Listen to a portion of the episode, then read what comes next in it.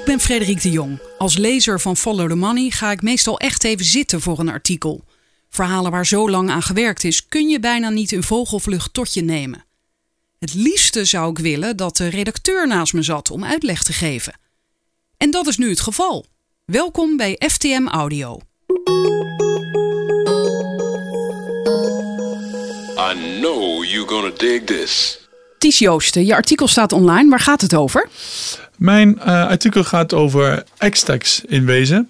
Xtex is een uh, gedachte waar ik een tijdje geleden mee in aanraking kwam. Uh, dat is, we gaan het er dadelijk wat uitgebreider over hebben. Maar in de kern is het het idee dat ons belastingstelsel arbeid heel duur maakt en grondstoffen goedkoop houdt.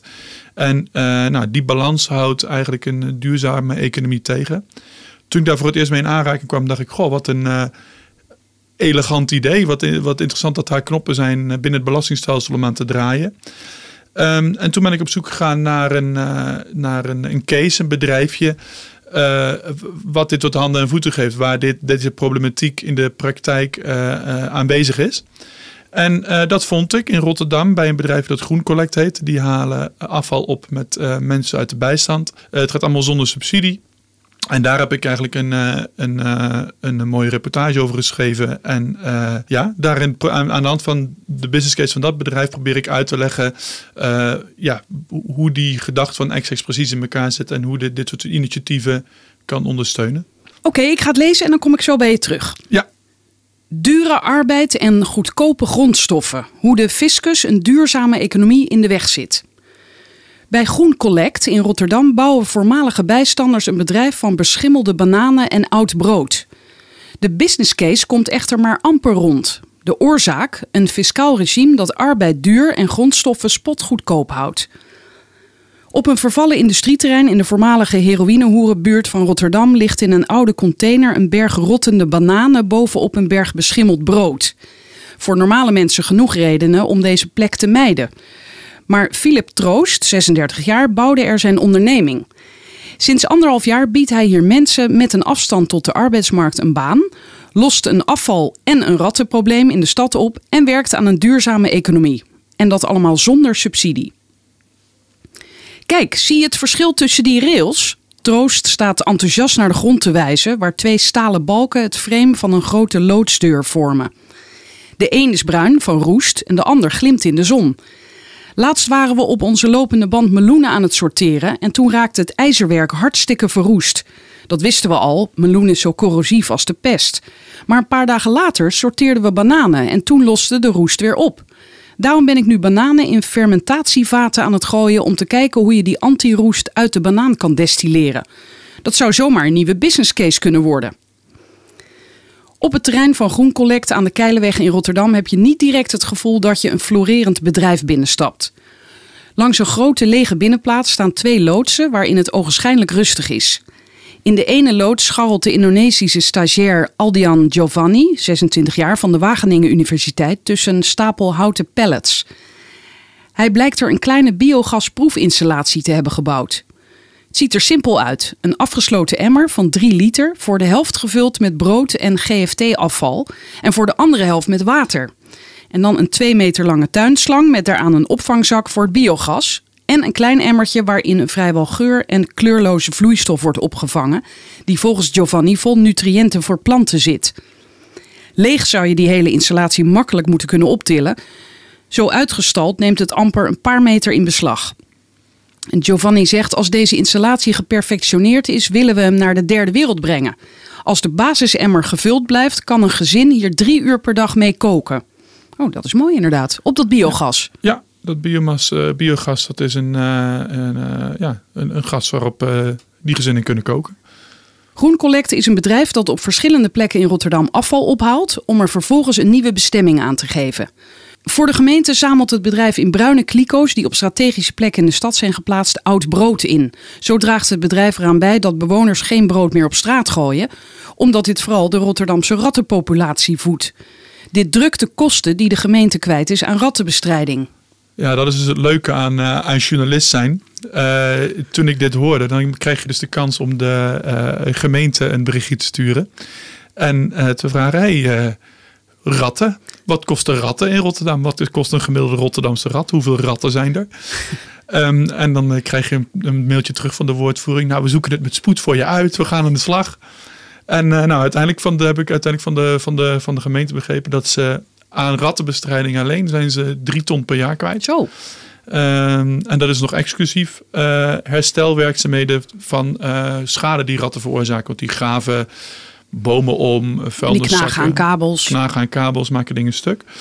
Um, nou ja, en door dat brood dus in te zamelen en te voorkomen dat bewoners dat op straat gooien, zijn er minder ratten. De ratten eten vooral uh, leven vooral van het eten dat mensen op straat gooien.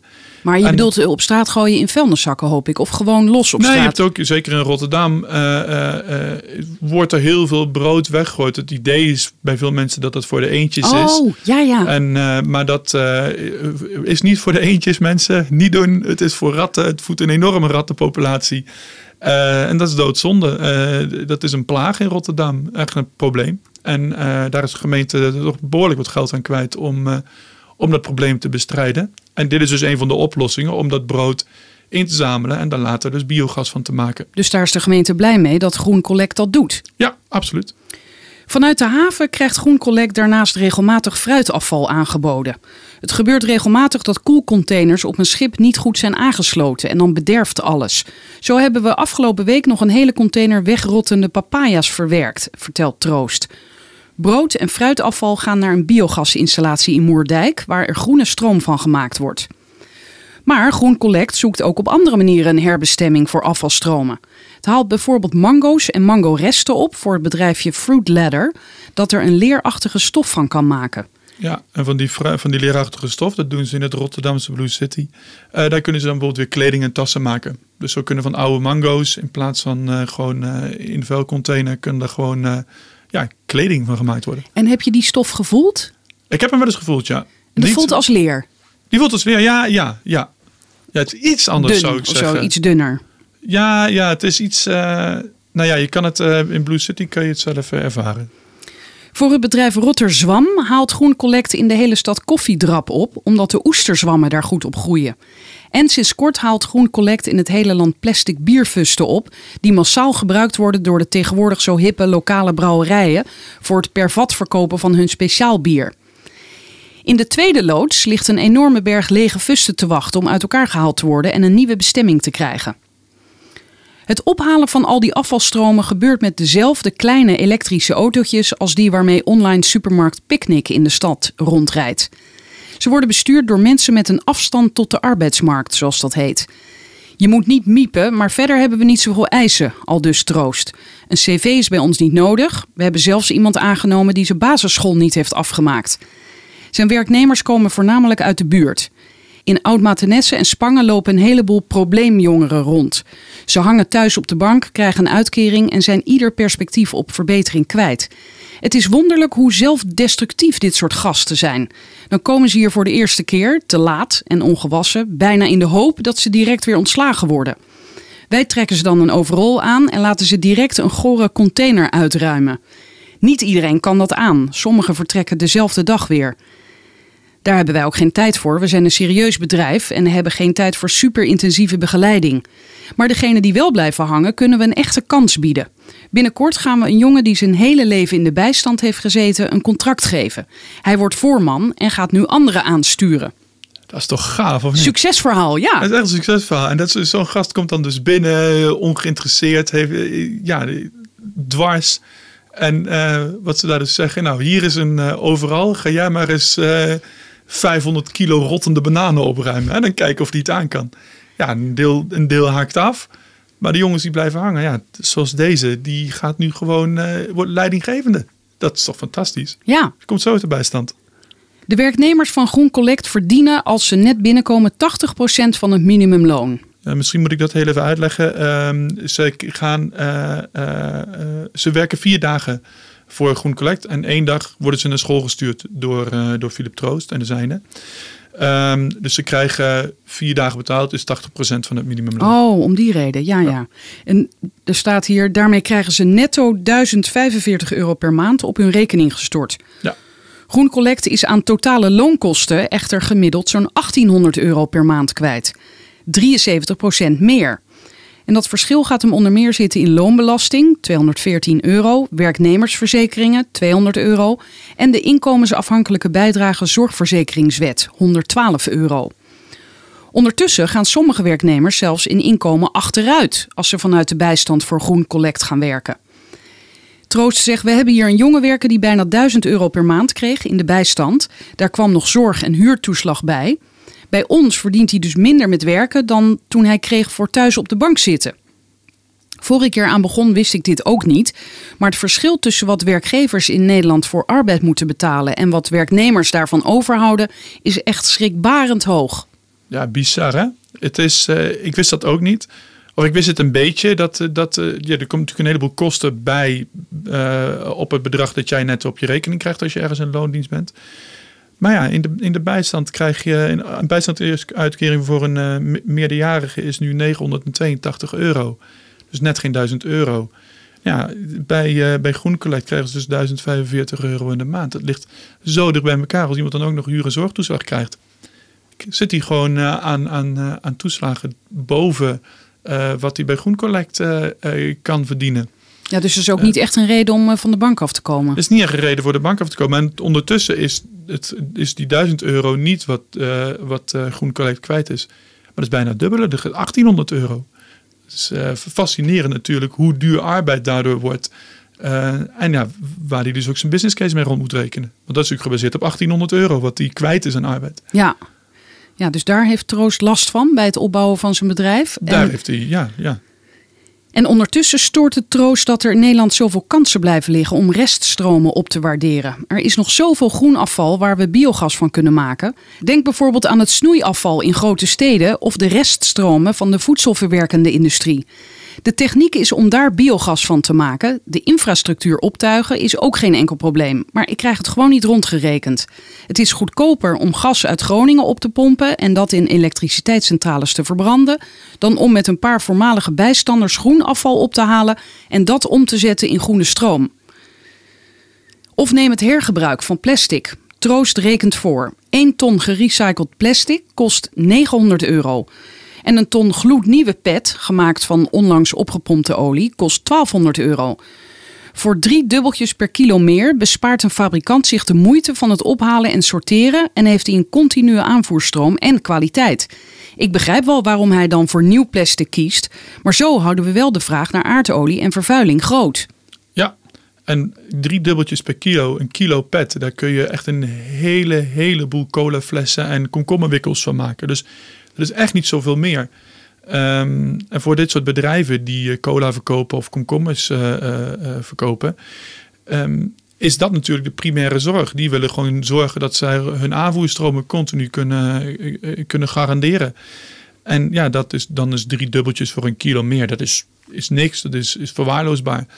Um, ja. Ja, dit is nou eenmaal hoe ons systeem op dit moment in elkaar zit. Dus. Ja, en dat heeft alles te maken met dat het uh, goedkoper is om uh, primaire grondstoffen uh, op te pompen en die te gebruiken dan om grondstoffen her te gebruiken. Want voor een hergebruik, daar gaat arbeid in zitten. En arbeid is duur. Wat troost nog het meeste stoort, is dat de consument tegenwoordig het gevoel gegeven wordt dat het wel goed zit met onze plastic recycling, nu het in de meeste steden in grote oranje bakken gescheiden wordt ingezameld. Tot voor kort werd dat plastic naar China verscheept. Daar verwerkten ze het voor ongeveer 100 euro per ton. Bij dat verwerken moet je je niet te veel illusies maken. De Chinezen haalden de beste delen eruit en de rest werd via rivieren gewoon op zee gedumpt. Oh, aha. Ons gerecyclede plastic droeg dus sowieso al bij aan de plasticsoep. Maar sinds januari van dit jaar wil China ons plastic niet meer hebben. Dus wordt het plastic dat de consument braaf apart houdt, gewoon voor 80 euro per ton in de verbrandingsoven gedonderd. Is ja. dit inderdaad zo? Ik breng ook braaf zo'n ja. uh, aparte zak naar de plastic bak. En vooral blijven doen ook hoor. Dit is absoluut geen argument om daarmee te stoppen. Want het is zowel voor uh, verbrandingsovens uh, handig om te weten wat voor soort afval erin gaat. Dat maakt die ovens efficiënter. Um, en tegelijkertijd wordt er nu ook echt wel nagedacht over manieren om die plastic toch in Nederland ook wel te gaan recyclen. Um, of daar in ieder geval op een andere, slimmere manier een, een, oplossing voor te, bieden. Maar ja, het feit blijft dat wij allemaal denken dat ons plastic tegenwoordig massaal opnieuw gebruikt wordt. En dat is helemaal niet zo. Het verdwijnt gewoon een verbrandingsoven in en in China verdween het de zee in. Uit onderzoek van Extex, een organisatie die onderzoek doet naar de invloed van fiscale structuren, blijkt dat 54% van alle belastingen die de Nederlandse overheid binnenkrijgt een belasting op arbeid is. In Europa is dat gemiddeld ongeveer 52%, dus ietsje minder. Als je alle belastingen op energie, benzine, vervuiling en grondstoffen bij elkaar optelt, dan komen groene belastingen maximaal op zo'n 10% uit. En het gemiddelde in Europa is dan 6%. Van alle groene belastingen wordt veruit het levendeel opgebracht via de diesel- en benzinebelastingen. Slechts een minuscuul gedeelte, 0,3% van het totaal, zijn te linken aan grondstoffen en vervuiling. Ja, dat is misschien goed om nog eventjes te halen. We hebben 52% van het totaal dat de Nederlandse overheid aan belastingen binnenkrijgt. Dus is op een of andere manier een belasting op arbeid. Terwijl 0,3% van alle belastingen die de Nederlandse overheid binnenkrijgt, uh, een, belast, een belasting uh, is die gelinkt is aan grondstoffen en vervuiling. 52% versus 0,3%. Ja, dus hier blijkt uit waar jouw hele verhaal over gaat. Van de, de, de belasting op uh, arbeid ja. is veel duurder dan op grondstoffen. En Absoluut. vandaar dat dit soort bedrijfjes niet echt lekker op gang kunnen komen. Nee, dat, dat, dat rijdt zo'n uh, zo'n recycling natuurlijk volledig in de, in, de, in de wielen. Het gevolg van deze fiscale structuur is dat arbeid relatief duur wordt. Ja, hier staat het. En grondstoffen relatief goedkoop. Bedrijven reageren daarop. Het is voor een bedrijf veel zinvoller om te investeren in een automatisering waarbij mensen overbodig worden, dan om energie-efficiënte maatregelen te nemen. Ook de moeilijkheden waar GroenCollect tegenaan loopt, hebben hiermee te maken. Omdat het ophalen en sorteren van afval relatief arbeidsintensief is, is de prijs die het bedrijf voor zijn gerecyclede grondstoffen moet vragen, maar marginaal lager dan de prijs die voor gloednieuwe grondstoffen gevraagd kan worden. En de overheid heeft meer invloed op Groen Collect dan alleen in het fiscale domein. Om dat te illustreren pakt Troost een van de plastic bierfusten vast. Hij wijst op het koppelstuk, een zwart hard plastic wiel met een diameter van ongeveer 25 centimeter. En hij zegt dit gedeelte is gemaakt van virgin plastic. Zo noem je origineel plastic dat rechtstreeks van aardolie is gemaakt. Alleen dit gedeelte mag je recyclen en hergebruiken in de voedingsmiddelenindustrie. Omdat je bij de rest, op het oog ongeveer 90% van het totaal aan plastic in het fust, die garantie niet kunt geven, is dat verboden, hoe goed je het ook schoonmaakt. Dat verkleint de afzetmarkt voor gerecycled plastic enorm. Of iets virgin plastic is, valt volgens Troost niet of nauwelijks te achterhalen. Alleen als je de originele fabrikant weet te achterhalen, en die geeft de harde garantie dat het om virgin plastic gaat, mag je het als zodanig hergebruiken. Probeer dat maar eens voor elkaar te krijgen als klein bedrijf uit Rotterdam, zegt Troost. Zo'n fabrikant kan overal zitten en vervolgens moet je er dan langs. Wij zijn erg blij dat het met de fabrikant van bierfusten is gelukt, maar het is een enorm karwei. Het zou helpen als de overheid de regels hieromtrent iets soepeler opstelt. Ja, dus dit is niet direct een belastingmaatregel, maar dit is een, een ja, een, een, een, wet, een regelgeving uh, die zegt dat je alleen maar virgin plastic opnieuw mag gebruiken in de voedingsmiddelenindustrie. En ja, dat is natuurlijk enorm lastig om dat te garanderen. Dat kost heel veel, heel veel tijd weer. Dat kost dus wederom wel weer veel arbeid. Um, en dat maakt de afzetmarkt voor gerecycled plastic dus kleiner. En gerecycled plastic aan zich ook weer duurder. Dit klinkt mij in de oren alsof het komt omdat we nog in die transitiefase zitten, die overigens inmiddels ook alweer best wel lang duurt. Maar of is, zijn gemeentes, willen ze dit niet of, of weten ze het nog niet echt? Ik vermoed dat dit een, uh, niet een kwestie is van niet willen per se. Het is, ik denk dat dit voor een belangrijk deel onbekend is. Dat dit een knop is waaraan te draaien is. Om de, om de, ja, de transitie te versnellen, op gang te brengen. Um, dus nee, ik denk niet dat er zozeer sprake is van onwil. Maar het is, ja, het, we beginnen nu langzamerhand ook hier uh, uh, knoppen te identificeren waaraan we kunnen draaien om die, die transitie te versnellen. En dat, is, dat is een recent proces. En, want dit zou een makkelijke maatregel zijn in principe.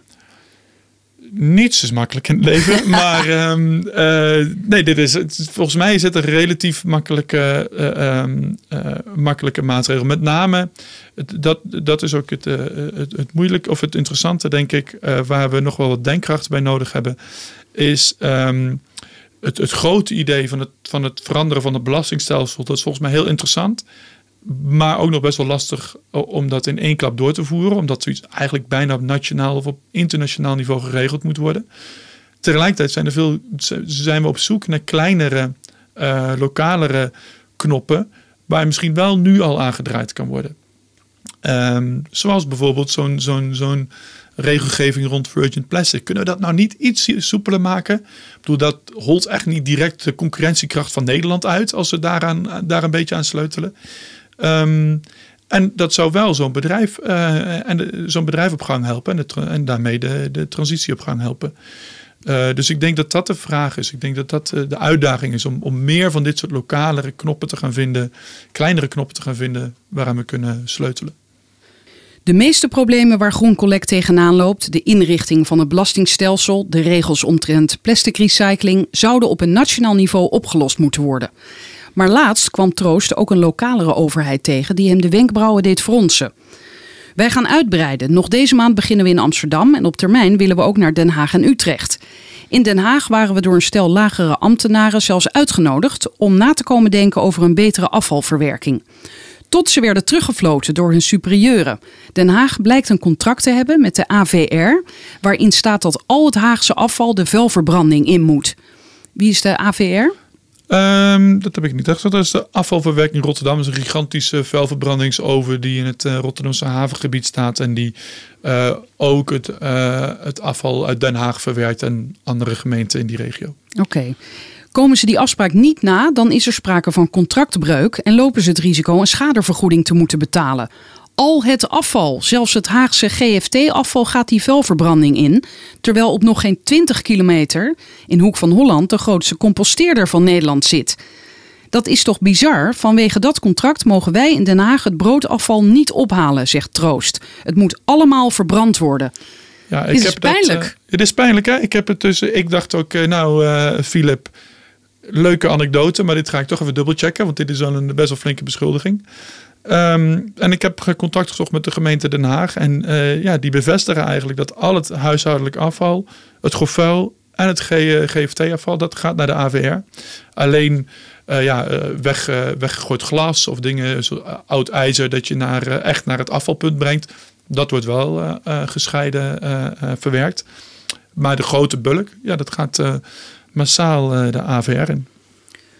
Troost haalt er zijn schouders over op. We hebben goed contact met de strandtenthouders in Scheveningen, dus we gaan hoe dan ook wel in Den Haag lanceren. Het zou alleen allemaal zoveel makkelijker kunnen als we de boel een beetje handiger organiseren. Ja, Ja. want jij hebt je nu voor dit verhaal hierin verdiept, maar hij heeft dus dagelijks met dit soort frustrerende eh, taferelen te maken. Ja, ja, ja, ja. Het, is, het is een best wel optimistische gozer hoor. Dus het is, eh, eh, hij gaat er niet per se onder gebukt. Maar ja, hij ziet veel van dit soort dingen langskomen. Van hij denkt, ja, als we dit toch gewoon een stukje handiger organiseren. Ik bedoel, de, de techniek is er om, eh, om afval op te halen. Waarmee we dat we bijvoorbeeld even tot biogas kunnen verwerken. Ehm, de infrastructuur optuigen is ook niet zo'n probleem. Dat bewijst hij dagelijks dat dat niet zo'n probleem is. Dat kan zelfs met mensen uit de bijstand. Die zitten in principe ook niks te doen zonder dat ik dat eh, lullig bedoel. Ehm, dus het kan allemaal best. Het is alleen een kwestie van business cases die, die zich lastig laten rondrekenen. En dat is weer een belangrijke oorzaak in het belastingstelsel. Ja, want ik moet nu nog even terugdenken aan die eh, student uit Indonesië die je opvoert in het verhaal. Die zegt, ja, als dit, eh, deze installatie werkt, dan neem ik hem mee naar de derde wereldlanden. En dan zouden ze daar sneller mee aan de gang gaan dan wij hier? Eh, nou ja, goed, dat, dat, dat, dat is koffiedik kijken. Ehm, eh, dit was echt een afstudeerproject van die jongen. Dus eh, ik, kan niet voorspellen hoe snel ze daarmee eh, aan, het biogas echt gaan gebruiken.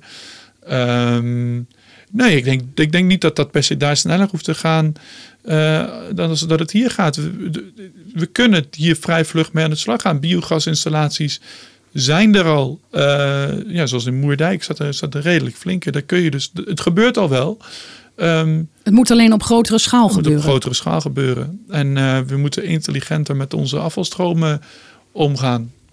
Binnenkort organiseert Follow the Money een bijeenkomst over eh, dit onderwerp. Ja, samen met eh, het Rotterdamse Blue City doen we dat. We hebben twee bijeenkomsten. In Rotterdam, in Blue City dus, op 2 juli. In Amsterdam, in Pakhuizen Zwijger, op 10 juli. Ehm, ja, daar, eh, ik zit ook in het organisatiecomité daarvan. Ik zal ook op het podium verschijnen.